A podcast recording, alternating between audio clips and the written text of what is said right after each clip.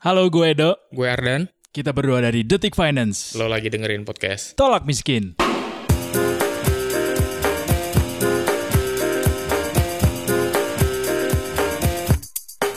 Selamat datang kembali di podcast Tolak Miskin Detikers. Tidak terasa sudah 16 episode kita jalani di podcast Tolak Miskin. Kira-kira paling senang episode yang mana nih Detikers? Tapi eh, mudah-mudahan yang sekarang ini juga eh, nggak kalah menyenangkannya ya Detikers. Kita akan obrolin seputar bisnis di kala pandemi. Jadi hampir semua pelaku usaha kecil dan menengah eh, saat ini terpukul gara-gara penyebaran si virus corona. Lagi-lagi kita ngomongin virus corona. Eh, kemarin kita sempat terhenti ngobrolin soal tapera, sekarang kita ngobrolin lagi nih virus corona. Karena kan sekarang udah new normal. Semua para pelaku usaha, semua para pekerja itu sudah mulai jalan kembali. Tapi gimana sih sebenarnya cara kita bisa bertahan bisnisnya di masa-masa sulit seperti pandemi sekarang ini? Apalagi buat kalian yang mungkin masih work from home tapi masih eh, nyobain usaha baru di Detikers. Nah, untuk ngobrolin itu semua, gue sekarang seperti biasa nggak sendiri, tapi beda partner lagi nih. Nggak apa-apa ya ya. Tetap aman kok walaupun gue ganti-ganti partner nih sekarang. Eh, gue hadirkan langsung Zulfi Suhendra. Welcome. Halo Detikers, Welcome back ya nih. welcome back ya. Eh, kayaknya baru dengar suara gua pertama kali nih ya, Detikers Baru ya. pertama kalinya. Baru pertama kali hari ini. Walaupun eh, rasanya la- rasanya lama tapi ini sesuatu yang baru ya. Betul. Nah, kita akan obrolin seputar UMKM ini, eh, para pengusaha-pengusaha kecil utamanya yang harus bisa tetap bertahan di masa pandemi seperti sekarang. Ya. Tapi kan, eh, eh, oke di di awal kita akan obrolin kondisi saat ini. Kondisi saat ini kan berbeda ya sama krisis yang terjadi di tahun sebelumnya yang pernah Ya. kita rasakan Ya. karena kalau dulu kan kita krisisnya diakibatkan karena kondisi geopolitik, Betul. lalu kondisi moneter yang eh, porak-poranda. Sekarang ini gara-gara virus nih, Virus, betul. yang mana dia mengacaukan se- semua lini usaha. Betul dan ternyata benar-benar berpengaruh banget sama ekonomi dan bisnis ya. Benar. Kalau dulu katanya UMKM tuh jadi penopang karena dia yang tidak terpengaruh karena Betul, kondisi makro. Sekarang justru dia yang paling terpengaruh karena si COVID-19 ini. Eh tapi kita nggak melulu bicara soal eh, bagaimana dampak negatifnya atau apanya. Kita harus tetap keep moving on. Life must go on. Makanya kita mau kasih beberapa cerita inspiratif nih buat detikers yang eh, mungkin merasa stuck atau mungkin eh, kekurangan bahan inspirasi untuk mendengar untuk apa berusaha di masa pandemi sekarang ini karena ternyata ada banyak juga loh yang bisa eh, Jadi peluang ya. jadi peluang Iya. di masa pandemi seperti sekarang ini. Betul karena sebetulnya walaupun kita sedang menghadapi masa pandemi dan dan apa namanya situasi yang tidak menggembirakan, Mm-mm. kita tetap harus produktif dok. Mm-mm. Apalagi buat UKM yang yang mana yang mana pada dasarnya dia tuh menggerakkan roda perekonomian kan. Betul. Tetap harus produktif dan harus terus-terusan berinovasi gitu. Jangan sampai berhenti bisnisnya di tengah pandemi ini gitu dok. Nah tahu nggak sih detikers ternyata ada banyak loh inspirasi yang dihasilkan dan ini juga kita dapat dari para pembaca kita. Kemarin beberapa minggu lalu kita sempat ngundang para pembaca buat kasih apa sih yang bisa kalian lakukan di masa pandemi sekarang ternyata ada banyak, Banyak juga sekali ya, ternyata. ternyata ya. Di antaranya itu ada yang jualan masker, ada yang eh, apa namanya, ada yang jualan hidroponik bahkan tanaman, Tanaman. ada yang jualan face shield, banyak. Itu rame macam-macam. banget tuh. Ya. Kuliner juga ternyata masih banyak juga. Sewa internet bahkan dan ini kita akan bahas satu persatu sekarang. Oke.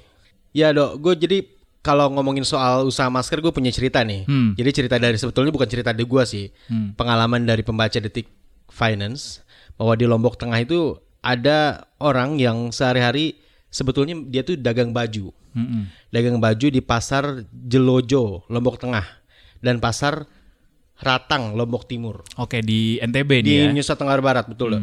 Nah, tapi melihat kondisi pandemi sekarang, dia tuh benar-benar memanfaatkan peluang, Mm-mm. memanfaatkan peluang. Jadi dia melihat nih apa sih yang bisa dia dapetin.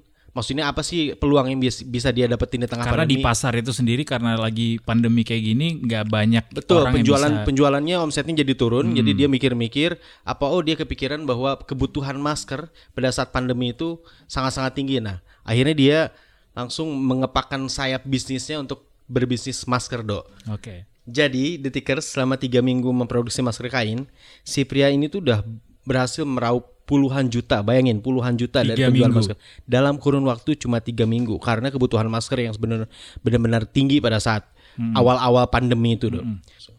Dan lagi dia itu masarin produknya itu nggak cuman di daerah-daerahnya dia, tapi juga ngirim ke Lombok Timur dan juga Lombok Barat dan Lombok Tengahnya yang pasti masih di seputaran Nusa Tenggara Lombok Barat juga gitu. ya. Ya. Hmm, Terus eh, ada lagi di Bandung hmm. eh, namanya Cecep Famias yang cerita sama Detik Finance. Ya, ini ini ident apa autentik sekali namanya di Autent- Bandung iya, Cecep iya, ya. Cecep Famias. Cecep ya. Oke. Kayaknya orang Madura tuh. Enggak, pada orang Bandung. Eh, dia itu berkecimpung di dunia percetakan digital dan souvenir. Mm-mm, awalnya. Awalnya, nah karena masa pandemi ini, Hmm. dia langsung bang- banting setir jadi pengrajin masker juga, masker scuba karakter gitu dengan karakter-karakter yang apa namanya Lagi yang- banyak banget betul. tuh karakter muka ya. Ah. Ada karakter Tony Stark. Gue Iya, juga punya. iya. Jadi nggak karakter- bosen lah liatnya gitu kan. Iya, Kalau iya, masker iya, biasanya iya, Hmm, cuma coraknya gitu-gitu aja, tapi dia bikin karakter-karakter gitu.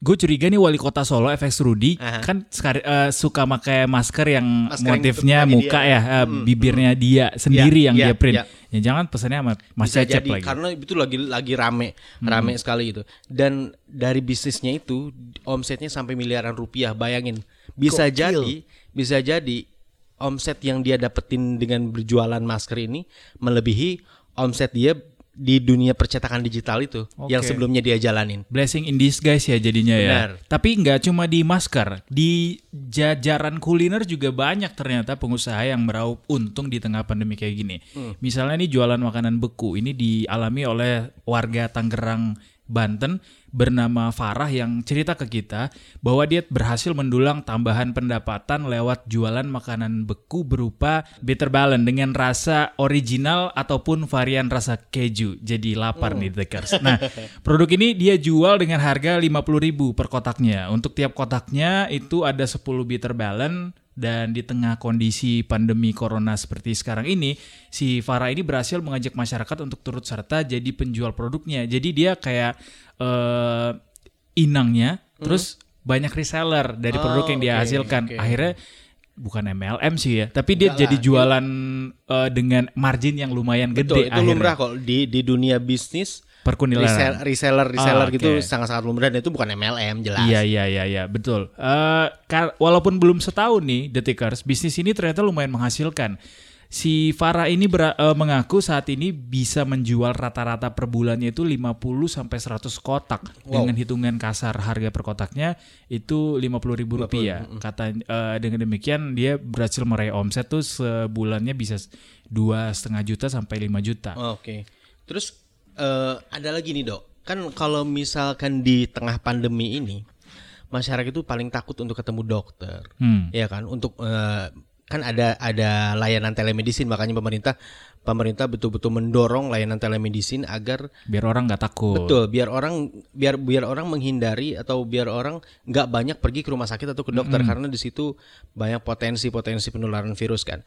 Nah hal itu dimanfaatkan oleh Anissa Rizky nih dok. Ada cerita ke kita bahwa dia itu seorang dokter gigi, dokter gigi anak yang di masa pandemi ini mungkin prakteknya itu udah nggak terlalu ramai karena ada ketakutan-ketakutan dari masyarakat tadi. Oke. Akhirnya dia mengisi waktu luang bersama ibunya itu bikin donat dok.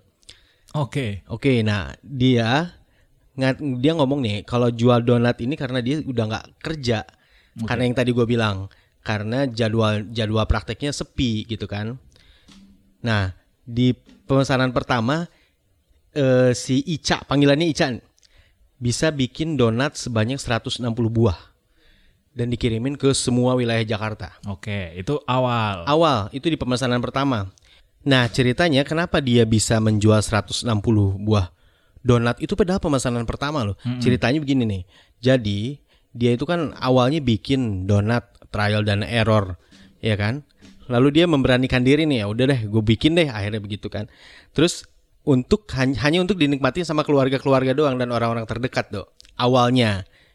Nah akhirnya dia coba posting foto anaknya di Instagram lagi makan donat-donat yang dia bikin. Tertarik lah orang-orang. Ternyata, nah ternyata ya dia kaget. Ternyata orang-orang tuh benar-benar tertarik gitu. Dan akhirnya dia memberanikan diri untuk untuk posting nih, posting produknya, tapi lagi dimakan anaknya nih. Dia eh, lagi foto anaknya, anaknya tuh lagi lagi apa namanya? Lagi makan lagi donat makan donat-donat itulah. Dan ternyata teman-temannya, wah apa tuh? Dan merespon posi- positif gitu. Akhirnya dia dia bilang bahwa dia produksi ini dan teman-temannya pada mesen. Dan akhirnya dia eh apa namanya bikin 160 buah donat gitu. Oke, jadi Untuk awalnya dia pertama. eh, bikin donat iseng-iseng buat keluarganya dia, buat anaknya dia, lalu Betul. dia posting di Instagram, Ah. ternyata orang banyak dan pesanan di awal langsung 160, 160. biji. Dan tahukah yang paling yang paling mengagetkan, mengagetkan lagi bahwa modalnya itu nggak besar. Ya. Dia cuma mengeluarkan duit 80 ribu untuk modal awal. Cuma modal beli dua kopi instan lah ya. Bisa. Yang ada Ya, mungkin di dia cuma butuh terigu gitu Iya, kan. iya, mungkin iya. Mhm. eh, microwave atau oven sudah ada di rumah dan dan peralatan masak lainnya udah ada di rumah. Bahan-bahannya cuma 80 ribu rupiah, dok. Dan sekarang dia sudah bisa eh, produksi 400 katanya per hari. Wow. Ya That's betul. big deal. Eh nggak cuma kuliner detikers, ada juga nih tanaman ternyata. Nggak nyangka-nyangka ya. Karena memang ternyata cukup banyak orang yang akhirnya bercocok tanam di, di rumah. Dan itu jadi hobi yang ditangkap sama seorang eh, warga Bojong Sari di Depok bernama Dian bersama dengan sang suaminya yang akhirnya membuat satu peluang usaha dengan memproduksi tanaman hias detikers. Dikarenakan kedua kantor mereka yang sekarang kerja itu eh, melakukan work from home, akhirnya mereka memberanikan diri memulai bisnis tanaman ini buat nambah-nambah penghasilan nih. Walaupun sebenarnya ya penghasilannya mungkin sama aja ya walaupun mereka kerja dari rumah, tapi mereka berhasil tangkap peluang ini dan akhirnya karena mereka juga kebetulan memang hobi mengoleksi tanaman hias di rumah, sampai akhirnya lama kelamaan tanaman tersebut dirasa sudah terlalu banyak nih di rumahnya mereka. Iya. Jadi tanaman hias yang mereka produksi itu akhirnya dijual lah dan mereka produksi juga dengan memanfaatkan halaman belakang rumah mereka untuk mengembangbiakan tanaman-tanaman lainnya. Dan akhirnya tanaman yang mereka produksi itu berhasil dijual dengan harga yang beragam. Lumayan juga loh harganya ini, ratusan ribu rupiah. Bayangin aja kalau misalnya orang pesen ke mereka eh, 10 orang aja itu untungnya udah berapa? Karena kan tanaman tuh eh, ya modal bibit doang kan. Iya, iya, iya. Modal bibit doang dan eh, nggak cuma tanaman hias, tanaman hidroponik juga banyak. Eh, Hi- Ridwan Satria menjelaskan selama pandemi ini tokonya mencatatkan kenaikan penjualan yang cukup signifikan. Nah, dia ini karena banyak masyarakat yang WFH juga, sama seperti Dian dan suami tadi, eh, juga punya banyak waktu luang akhirnya. Dan akhirnya mereka dia manfaatkan untuk berkebun. Omset yang didapatkan dari penjualan starter kit yang dia jual itu bisa sampai ratusan juta, 200 juta katanya dalam satu bulan. Wow. Kebayang nggak? Dan memang dia menyasar segmen urban farming dengan menyasar eh, orang-orang di kota yang nggak bisa eh, punya eh, tam- taman. Akhirnya dia bikin tanaman hidroponik tuh yang biasa digantung-gantungin Iya, ya. iya. betul. Hidroponik. Yang yang pokoknya yang space space rumahnya tuh nggak nggak tamannya nggak terlalu Iya, besar nggak gitu. mencukupkan untuk Betul. punya tanaman yang luas kayak kebun kita di desa. Nah, mereka dia sasar nih jadinya buat warga perkotaan. Nah, dia kan kebetulan tinggalnya di desa di Bogor. Jadi ya akhirnya eh, Cocok tuh terciptalah terciptalah peluang ini. Jadi eh, peluang-peluang itu memang bisa tercipta dari keadaan yang memang sedang sulit sih. Mendesak lah do istilahnya. Mendesak ya. ya. Iya. Dan itu juga nih yang dimanfaatkan sama eh, salah satu detikers nih, namanya Christopher Nalbaho. Naibaho. Naib, oh sorry, Christopher Naibaho, yang dia itu punya bisnis sewa wifi. Kebayang nggak dok, sewa wifi. Ini sewa wifi-nya itu benar-benar unik bisnis ini. Hmm. Dia itu memanfaatkan peluang, betul-betul jeli memanfaat- memanfaatkan peluang di tengah pandemi ini bahwa orang-orang kan banyak yang work from home. Dan tidak semua orang yang work from home itu pasti punya akses internet. Betul. Nah, si Christopher ini kita panggil aja Christopher. Christopher ini memanfaatkan eh, kondisi itu gitu. Dengan jadi dia mensuplai internet. betul. Jadi dia itu punya internet yang kuotanya unlimited di rumahnya dia Oke. dan eh, sinyal wifi-nya itu dia tawarin tuh ke tetangga-tetangga. Oke. Jadi tetangganya nyewa wifi-nya dia. Oh, jadi kayak tethering gitu jatuhnya ya. Betul, Tapi Dok. dia bikin dengan apa? Dengan fasilitas eh, dengan fasilitas dengan dia akomodasi dengan sistem yang dia punya Betul. sehingga orang bisa pakai internet dengan sekian Betul, sekian betul. gitu ya. Jadi lo nih, lo nih misalkan lu punya punya akses internet di rumah sedangkan tetangga lu nggak punya, ya lu lu gedein aja tuh atau lu taruh eh, modem wifi lo di luar biar tetangga-tetangga lo bisa bisa ngambil wifi lo dan lo mematok harga gitu loh. Nah kayak gitu itu yang dilakukan oleh Christopher. Nah harga yang dipatok sama Christopher ini 3.000 sampai 5.000 per hari. Murah. Murah sekali atau 60.000 per bulan. Yang lumayan kita bisa dapetin akses internet Unlimited wifi lagi. unlimited gitu kan dengan harga 60.000 per bulan gitu. Hmm. Nah, lalu sampai sekarang dia itu bisa ngeraup omset tiga setengah juta per bulan Oke. dari eh, bisnis in- sewa wifi dan dia tuh menamakan eh, bisnisnya itu Sefi, sewa wifi gitu. Oke. Tiga setengah juta, 60.000 ribu per hari, tiga setengah juta per bulan. Itu berapa tetangga yang dapat akses wifi itu, dok. Jadi intinya eh, banyak sekali peluang-peluang bisnis yang bisa bi- dimanfaatkan sebetulnya kalau kita jeli melihat melihat peluang-peluang itu gitu di Betul. tengah pandemi ini, dok. For your information, Detikers, eh, tiga setengah juta tuh cuma dipotong biaya bayar internet dia satu juta sebulan yang unlimited itu. Betul. Dan sisanya ya masuk ke kantongnya dia. Iya betul betul. Ya karena dia harus bayar bulanan ke provider kan satu juta itu. Betul, betul, betul. Sangat easy money ya ternyata. Kalau mau dicari peluangnya memang selalu akan ada peluang Detikers dan kita sudah tahu ada banyak peluang. Lalu bagaimana caranya supaya bisa bertahan, tetap bertahan? Karena kan kalau memulai katanya memang paling susah sih kalau memulai. Tapi Iya. juga mempertahankan nggak kalah susahnya. Betul. Eh, ada beberapa tips supaya UMKM ini bisa bertahan, Detikers. Kalau tips dasarnya sih katanya UMKM ini harus fokus untuk kebutuhan konsumen. Jadi harus jeli nih kebutuhan konsumen tuh apa, baru dia coba berinovasi dan berkreasi produk maupun layanan yang dia tawarkan sesuai dengan perubahan dan perilaku si konsumen ini. Mirip-mirip startup lah ya. Ya ya ya ya. Dan lagi ya tadi yang gue bilang kita harus benar-benar jeli memanfaatkan memanfaatkan situasi lalu melihat pasarnya itu sebetulnya keinginannya apa gitu. Mm-mm. Nah, Detikers, kita juga punya tips nih dari dari Sandiaga Uno. Sandiaga Uno kan kita tahu selain dia mantan Wakil calon gubernur. calon Oh, wakil presiden. Calon wakil presiden, baik. Ah, dan dia juga adalah pengusaha dia punya background pengusaha yang sukses gitu dan ada beberapa perusahaan yang dia dirikan gitu nah Sandiaga Uno ng- ngasih tips nih buat UMKM biar bisa bertahan di tengah pandemi gitu. yang pertama menurutnya UMKM itu harus melakukan penghematan biaya produksi dan operasional. Karena ekonomi sekarang itu lagi gonjang-ganjing banget gitu. Kos pasti besar maka itu kosnya harus dihemat gitu dipangkas betul-betul dipangkas dan istilahnya efisiensi lah. Ya tapi asal jangan sampai mengurangi kualitas produk yang sudah jelas jelas. diproduksi ya. itu nomor satu. Nah lalu yang kedua Sandiaga Uno bilang adaptasi dan pemetaan potensi pasar yang tadi gue bilang juga. Jadi kita harus betul-betul jeli melihat kebutuhan pasar itu seperti apa gitu. Jangan kita melawan arus perkembangan misal eh pasar pengennya apa ah, kita idealis saja gitu. Nah itu itu kemungkinan besar akan akan stuck ataupun atau bahkan Hmm. sampai kolaps gitu usahanya. Seperti itu tuh. Jadi ikuti selera pasar. betul. Eh benar, benar banget sih itu. Ya walaupun pada akhirnya kita nggak bisa idealis, tapi ya kan kita pengen cari cuan kan. Nah, Iya. eh, buat kalian mungkin yang eh, merasa dimulai memulai bisnis tuh kayaknya eh, pesimis gitu. Pembelinya emangnya ada ya? Kalau kata pakar marketing dari Marketplace nih Hermawan Kartajaya, dia punya tips sederhana nih buat detikers. Sedikit saja tipsnya. Kalau punya, kalau belum punya customer, cari saja customer yang dekat-dekat sama Anda. Ada family, ada friends, ada neighbor kata dia. Jadi ya orang-orang terdekat bisa jadi eh, endorser Anda yang paling betul. utama nanti. jangan jauh-jauh lah ya Jangan jauh-jauh kayak yang ada di depan saya sekarang nya endorsernya adalah orang-orang sekitarnya Orang-orang justru. sekitar. Dan lumayan membantu ya. Itu lumayan Itu membantu, atau sangat membantu? Sangat membantu dok. Sangat Justru membantu justru ya. Karena eh apa namanya ya ya betul kata Pak Hermawan tadi bahwa kita nggak usah jauh-jauh dulu gitu. Kita nggak tahu pasar tuh seperti eh, maunya apa gitu. Kalau dengan orang-orang terdekat kita bisa dapat masukan yang betul-betul jujur gitu karena mereka tidak sungkan untuk ngomong sama kita gitu. Kalaupun produk kita jelek misalkan, tolong kasih tahu sama kita gitu.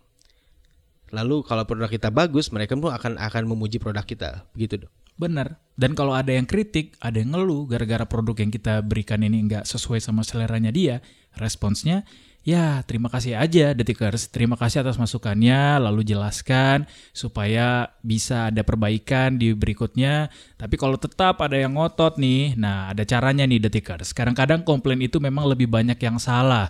Customernya salah tapi tetap komplain. Nah ini zaman normal saja kalau kayak gitu. Apalagi sekarang nih di tengah pandemi kayak sekarang. Semua orang punya seleranya masing-masing. Kadang-kadang juga ngada-ngada sih. Nah kalau ngada-ngada ya jangan langsung disikat begitu detikers tapi kita telepon kita minta tolong begini begini begini dan cari juga. Kalau misalnya nggak bisa dikata ini ya minta tolong orang lain buat kasih tahu nih apa nih sebenarnya uh, advice yang bagus buat kita. Jadi jangan buru-buru marah detikers